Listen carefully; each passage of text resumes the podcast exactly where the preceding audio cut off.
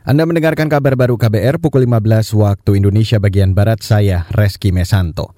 Saudara kelangkaan BBM jenis solar dikeluhkan pengusaha angkutan truk dan logistik yang tergabung dalam Keamanan dan Keselamatan Indonesia atau Kamselindo.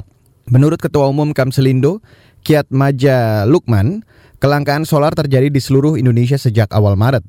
Kondisi ini sangat berdampak terhadap distribusi yang merugikan pengusaha. Uh, di beberapa tempat kan ada jatah rupiah ya bahkan cuman boleh ngisi 100 ribu gitu.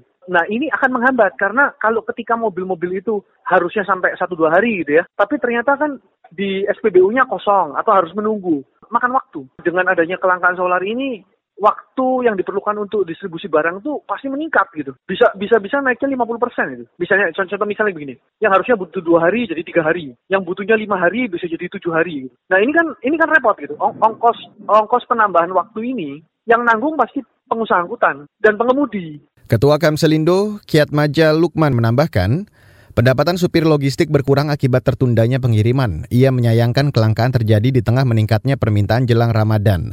Pemerintah harus segera memastikan ketersediaan solar meski dengan cara menaikkan harga jual mengikuti krisis global minyak dunia. Beralih ke berita selanjutnya, Saudara. Pemerintah Provinsi DKI Jakarta menyebut terjadi lonjakan warga yang mengikuti program dosis ketiga atau booster vaksin COVID-19. Wakil Gubernur DKI Jakarta Ahmad Riza Patria mengklaim, lonjakan warga yang mengikuti program vaksin ini terjadi setelah pemerintah mewajibkan vaksinasi dosis ketiga atau booster sebagai syarat mudik lebaran tahun ini. Riza juga memastikan pasokan vaksin di Jakarta masih mencukupi. Hingga kemarin, capaian vaksinasi dosis ketiga di DKI Jakarta sebanyak 2,2 juta orang. Sebelumnya, Presiden Joko Widodo mengizinkan masyarakat melakukan perjalanan mudik pada Idul Fitri 2022 dengan syarat pemudik melengkapi dosis vaksinasi lanjut atau booster. Saudara Badan PBB untuk urusan pengungsi UNHCR mencatat setidaknya lebih dari 3,8 juta jiwa mengungsi dari Ukraina sejak invasi Rusia sebulan lalu.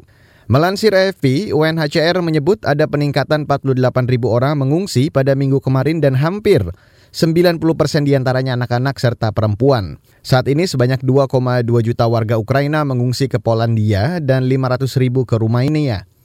Selain itu, kantor HAM PBB juga mencatat sebanyak 1.200 warga sipil terbunuh dan 1.700-an terluka sejak Rusia menginvasi Ukraina.